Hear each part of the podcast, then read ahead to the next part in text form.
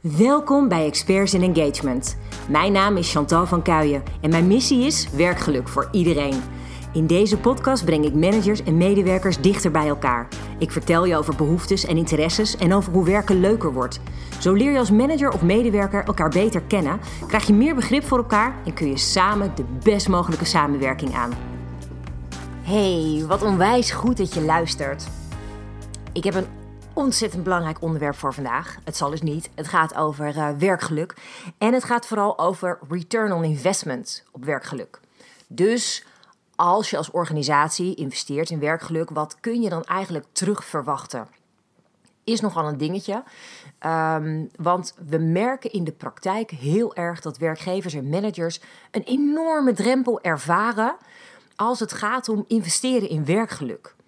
Um, omdat ze simpelweg nog niet goed zien wat die investering uiteindelijk heel concreet oplevert. Dus ik dacht, nou, weet je, het is wel goed om daar eens een keer wat cijfers uh, over op te nemen.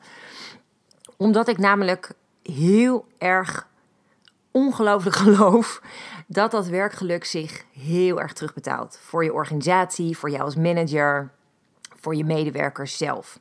Dus ik wil sowieso zes dingen uh, eigenlijk aan bod laten komen. En daarin je heel erg laten weten wat die zes dingen dan uh, betekenen. Um, het zijn zes punten waaruit je direct kan meten wat dat werkgeluk oplevert. De eerste is bijvoorbeeld een hogere productiviteit we hebben echt nou, behoorlijk wat onderzoeken uh, binnen Employer Brander doorgenomen. We hebben heel erg veel dingen naast elkaar gelegd om te kijken wat uh, er overal over de wereld gezien ook hè, onderzocht werd. Um, we hebben daar vooral onderzoeken in meegenomen waar ook Nederland onderdeel van uitmaakte. Want het blijkt wel heel cultureel bepaald hoe werkgeluk ingezet wordt, hoe het ervaren wordt. Um, wij Nederlanders zijn toch altijd wel een beetje een apart volkje uh, ook in nou ja, de mening die we geven en dat soort dingen. en nou, toen hebben we dus gezien, en dat, dat vond ik wel een, een hele mooie, is dat dus meerdere onderzoeken laten zien dat tussen de 12 en de 15 procent toename ontstaat in de productiviteit als medewerkers happy zijn. En als je bedenkt dat als medewerkers niet happy zijn, dat dan hun productiviteit met ruim 10% afneemt, ja, dan vind ik dat op zich ook wel een hele logische conclusie. Want het is op zich natuurlijk helemaal niet gek dat je beter presteert als je goed in je vel zit, toch? Um, en nou, dat goed in je vel zitten, dat heeft te maken met die volledige employee experience. Dus dat gaat niet alleen over.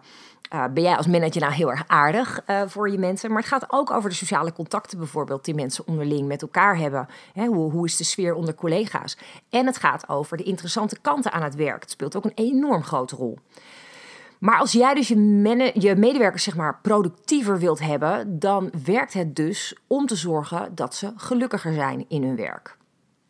Nou, een ander wat echt, wat ik een ongelooflijk uh, interessante vond, is het onderwerp van Jacob Morgan. Jacob Morgan is een ongelofelijke werkgelukgoeroe en doet heel erg veel onderzoek naar de investering in werkgeluk en in wat het oplevert. En hij heeft onder andere uh, gevonden dat je personeelsverloop met maar liefst 40% daalt. Als je mensen gewoon gelukkig zijn in hun werk.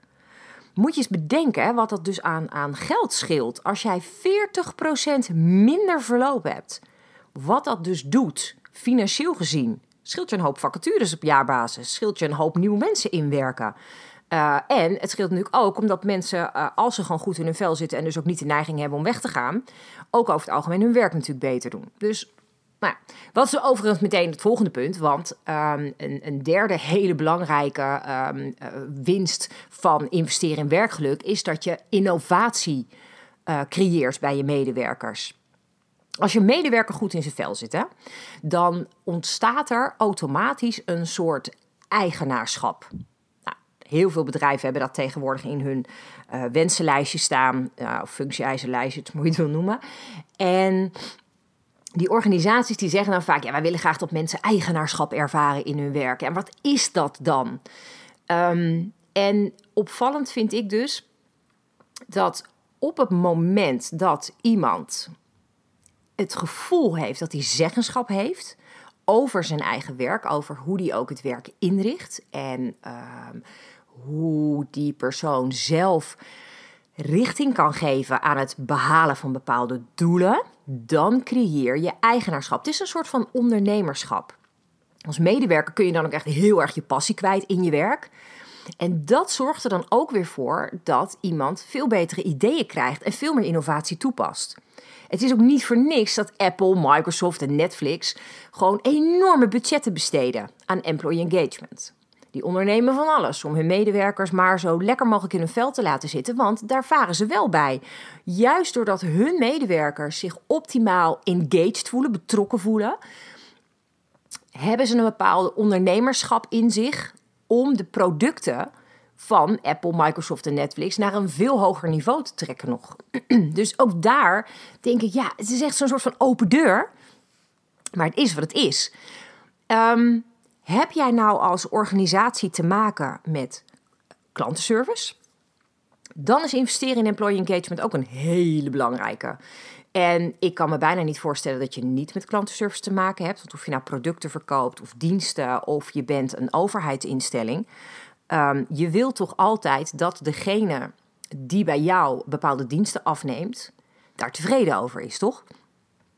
En het opvallende is dus dat als je hele gelukkige medewerkers hebt, je klanttevredenheid ook enorm toeneemt. De Temkin groep die deed hier dus ook eh, uitgebreid onderzoek naar. En die ontdekte dat organisaties met succes in klanttevredenheid, die hadden echt een hoge klanttevredenheid, dat die anderhalf keer zoveel betrokken, engaged medewerkers hadden zitten op hun werkvloer dan de middelmatige organisaties qua klantervaringen. En het blijkt best wel uit heel veel onderzoeken, uh, waaronder uh, van uh, OneReach, bureau, um, die zeggen van nou, als je nou in die employee engagement investeert en mensen zijn blijer, dan krijg je dus letterlijk dat die medewerkers met een glimlach je klanten benaderen. Nou, dat is toch wat je wil? Want dat zorgt uiteindelijk weer voor een heel succes voor je organisatie.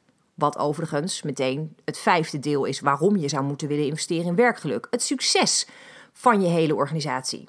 Jacob Morgan, die ik net al heel even noemde, die heeft uh, ook hierbij onderzoeken gedaan. En het bijzondere was dat hij vond dat als je als organisatie werkgeluk hoog op je agenda hebt staan, dat je dan drie keer meer omzet genereert en zelfs vier keer meer winst.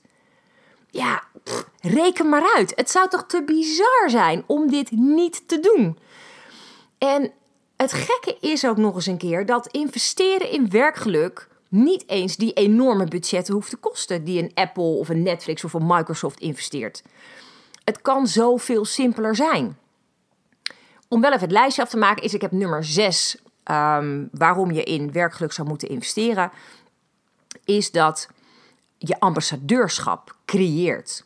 Want als je medewerkers happy zijn in hun werk, dan zijn ze veel eerder geneigd om mensen in hun netwerk positief te vertellen over hun werk en over jou als organisatie.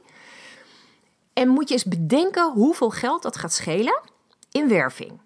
Want je medewerkers doen als het ware het werk voor je. Referral recruitment noemen we dat wel.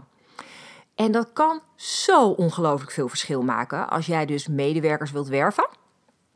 Um, en jij vraagt aan jouw eigen medewerkers: joh, kennen jullie nog mensen in je netwerk vanuit je studie of vanuit een vorige baan? En dat netwerk gaat werken, dan, ja, dat, daar kan ik een hele aparte podcast over opnemen, over referral recruitment. Um, maar dat scheelt zo ongelooflijk veel geld. En het haalt zo enorm veel meer kwalitatieve medewerkers binnen. Ja, dat alleen al zou een reden moeten zijn om te zorgen dat jouw mensen werkgeluk ervaren. Dit waren dan al zes best wel hele belangrijke aantoonbare um, factoren waar, die enorm positief gaan werken voor alles binnen je organisatie. En dan heb ik het nog niet eens gehad over bijvoorbeeld het ziekteverzuim. Wist je dat je 125% minder burn-outs hebt als mensen werkgeluk ervaren? Komt uit het World Happiness Report van de UN.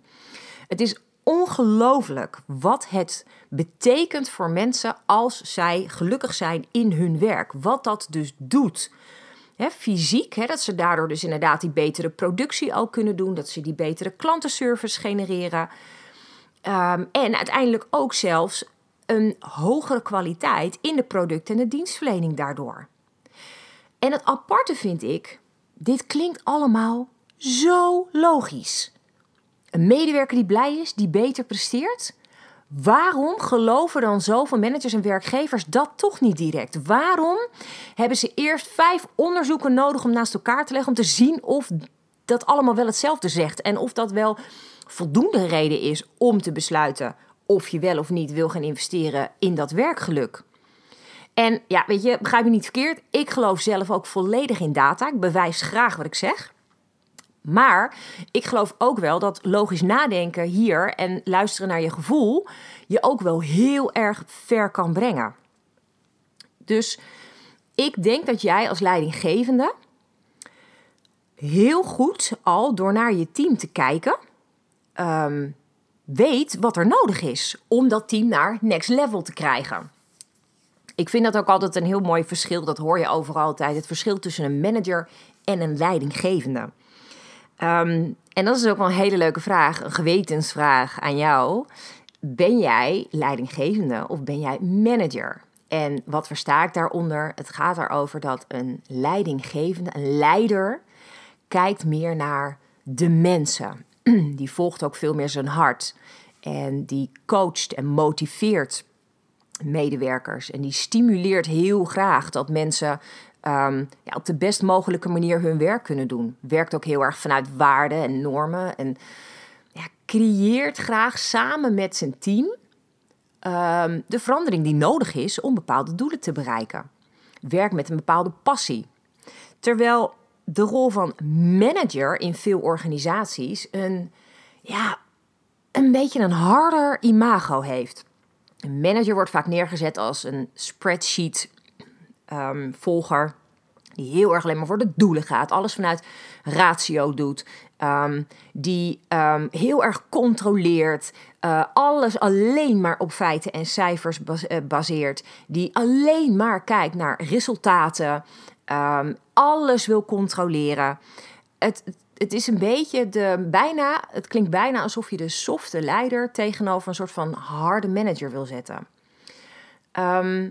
En ik denk zelf dat je beide nodig hebt. Ik denk dat het goed is als jij bijvoorbeeld een leider bent die wel oog heeft voor de feiten en de cijfers. want je kan met z'n allen wel met een team heel leuk naar alle doelen willen toewerken. Maar als jij geen oog hebt voor feiten en cijfers, weet je ook niet of je die doelen gaat halen. Dus ik geloof dat er een hele mooie gulden middenweg is hier. Maar eerlijk, in de praktijk zie ik nog steeds veel managers, hè, in, die, in die harde zin die ik net noemde, die niet verder kijken dan die feiten en cijfers. En die niet met aandacht kijken naar hoe ze die medewerkers in hun team kunnen motiveren om die feiten en cijfers te realiseren. Dus het kan zijn dat er in jou als persoon daarin een interessante uh, kwestie zit. Hè? Ben jij meer een leider of ben jij meer die zakelijke manager? Of zit het hem gewoon ook meer in een soort van leiderschapsstijl? Ik bedoel, ja, elke leider heeft een, een eigen manier van de dingen goed willen doen. Dus dat vind ik ook wel een hele belangrijke. Weet je, ben jij bijvoorbeeld enorm mensgericht? Of ben je bijvoorbeeld heel erg innovatiegericht? Dat is toch een andere aanpak. Het kan ook heel erg zijn, um, dat zien we ook wel in, in bepaalde organisaties, is dat mensen heel erg beheersgericht zijn we volgen heel erg de, de, de, de kaders, de lijnen. En ehm, we willen juist niet richting die innovatie, uh, omdat het misschien niet bij de organisatie past. Maar het kan dus ook heel erg zijn dat je vooral alleen maar resultaatgericht bent en dus heel erg op de uitvoering zit. Het is dus onwijs belangrijk als jij als manager weet wie jij bent. Wat voor type manager ben jij? Ben jij meer die mentor? Dus ga, kijk, probeer jij heel erg je mensen te begeleiden en te stimuleren. Ben je meer een innovator misschien? En ehm, wil jij uh, zorgen dat jouw mensen um, alles krijgen om maximale innovatie te creëren? Of controleer je misschien liever en ehm, coördineer je vooral werkzaamheden ehm, waarbij ja, je heel erg blijft zitten op: oké, dit is zoals we het altijd doen en dit werkt en dit houden we zo. Of ben jij meer ja, een soort van producent die ehm, met je mensen samen hele mooie resultaten wil creëren? Dus de vraag is heel erg: waar laat jij je door leiden als, als uh, wat vind je belangrijk? Wil je bijvoorbeeld ook risico's beperken of neem je juist risico's? Um, ben je heel erg van de orde of hou je ook van verandering? Omdat je erin gelooft dat je dan bijvoorbeeld verder komt. Ben je heel erg bezig met het nu? hoe, hoe staan we er nu voor? Of ben je ook gefocust op de toekomst? Dus wie jij als manager bent, is bepalend voor de sfeer in je team. En vanuit jouw managersrol um, heb jij een bepaalde aanpak om dat werkgeluk eventueel te creëren. Dus dat is wel een ongelooflijk belangrijke. En ja, ik vraag me dus heel erg af, hè, ik vind het wel interessant om te weten wie jij als manager dan bent, wie jij meeneemt als persoon en welke invloed dat heeft op je team. En ik zou het echt te gek vinden als je gewoon eens kritisch daarnaar durft te kijken zelf. Kijk, in alle eerlijkheid, wat ik van mijzelf weet, is dat ik soms te veel mensgericht ben. En ja, ze zeggen alles weliswaar te voor staat, is natuurlijk niet goed. En dat besef ik zelf ook. Ehm, dat betekent dat ik als manager wel eens te aardig ben. En dat is niet altijd goed voor de business. Dus nou, ook dat is wel een kant waarvan ik dan denk, ja, weet je, dan zou ik ehm, toch misschien soms iets meer van mijzelf vanuit mensgericht naar meer resultaatgericht moeten gaan. Dat ik iets duidelijker, misschien wat harder zou moeten zijn, opdat er bepaalde resultaten worden neergezet.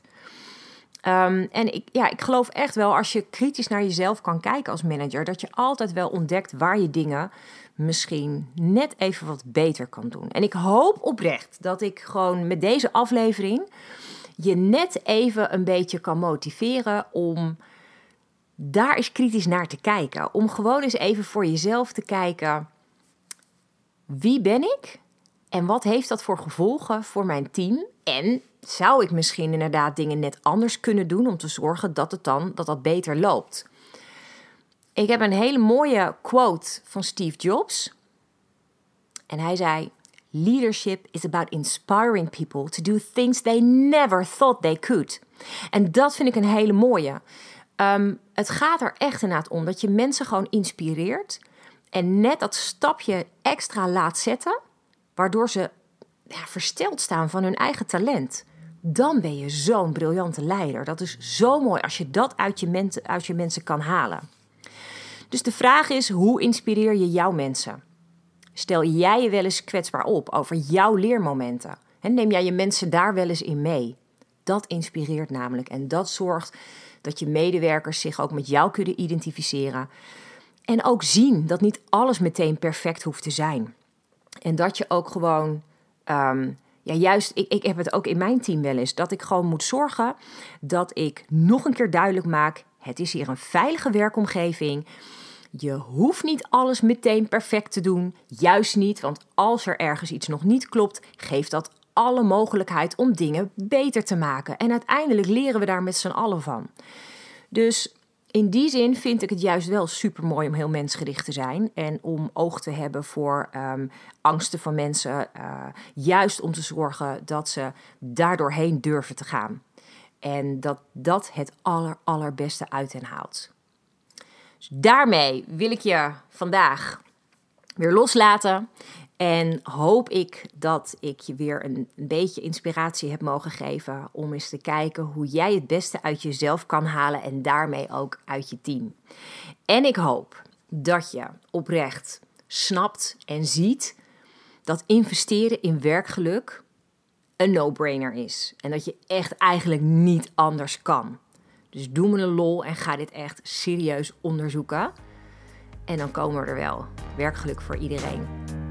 Dank je wel weer voor het luisteren. Super bedankt voor het luisteren. Te gek dat jij werkgeluk ook belangrijk vindt. Zo maken we samen de wereld wat mooier.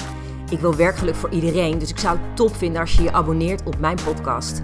Ondersteun je mijn missie? Geef me dan een review via de app waarin je mijn podcast luistert. Zo bereik ik nog meer mensen en bereiken we werkgeluk voor iedereen. Heb jij een vraag die je graag beantwoord wilt hebben? Stuur me dan een bericht via LinkedIn. Je kunt me gewoon vinden op mijn naam, Chantal van Kuijen. Tot de volgende aflevering.